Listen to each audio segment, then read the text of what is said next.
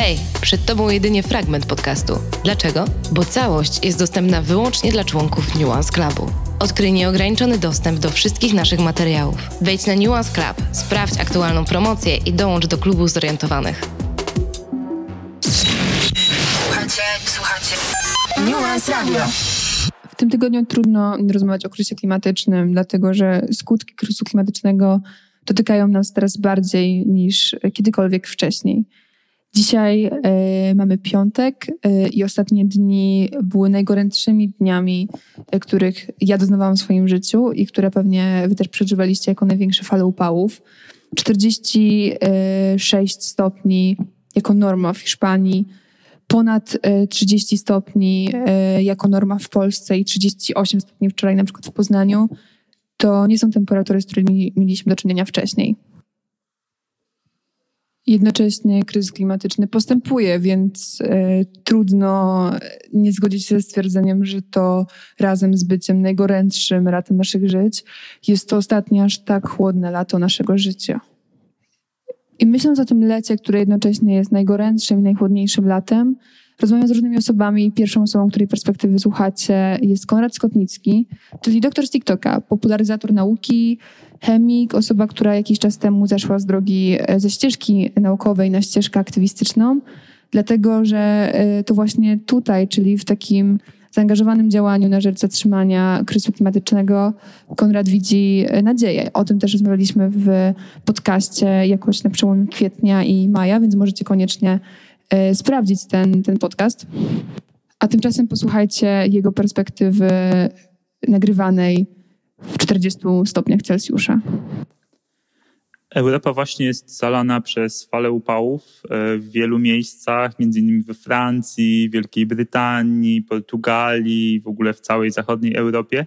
Padają rekordy temperatur i to takie rekordy wieloletnie albo w ogóle historyczne rekordy.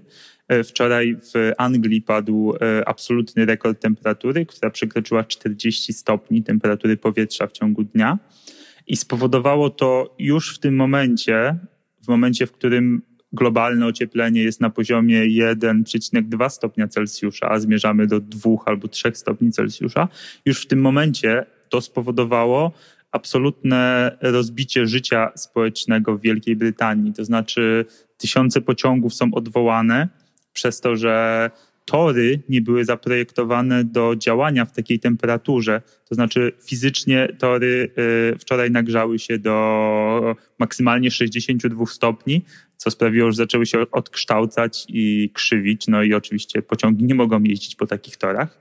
Więc y, kryzys klimatyczny już tutaj jest, y, katastrofa klimatyczna już do nas puka, bo jeżeli przy ociepleniu rzędu 1,2 stopnia w tak rozwiniętym kraju jak Wielka Brytania jest taki poziom e, rozkładu takiego normalnego, codziennego życia, to znaczy jest ogłoszony czerwony alarm, ludzie są zachęcani, żeby nie wychodzić z domów, no to co będzie przy dwóch stopniach, co będzie przy trzech stopniach?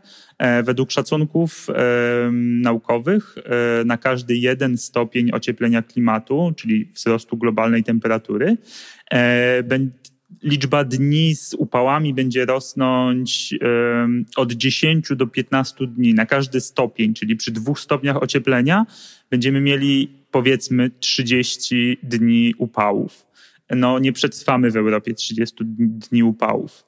Zwłaszcza, że Europa, zwłaszcza północna, środkowa Europa, nie jesteśmy tak jak Stany Zjednoczone przystosowani do życia w upale, tak jak spore części Stanów Zjednoczonych, gdzie klimatyzacja jest właściwie standardem, nawet w najtańszych mieszkaniach i właściwie każdy ma klimatyzację. E, bo przy temperaturach rzędu 40 stopni fizycznie nie da się już żyć często. W sensie, jeżeli ktoś ma choroby serca, choroby układu krwionośnego, albo po prostu źle znosi gorąco, ja o tym dobrze wiem, ponieważ strasznie źle znoszę gorąco, no to fizycznie nie jest w stanie funkcjonować pracować, nie mówiąc już o jakiejkolwiek pracy, na przykład fizycznej, w takich temperaturach. Dzięki za wysłuchanie bezpłatnej części tego podcastu. Jeśli masz ochotę na więcej, dołącz do Nuance Clubu, klubu zorientowanych i spędzaj mniej czasu na słuchaniu takich komunikatów, a więcej na słuchaniu całych podcastów. Sprawdź, co dla Ciebie przygotowaliśmy i rób razem z nami niezależne, rzetelne i pasjonujące media.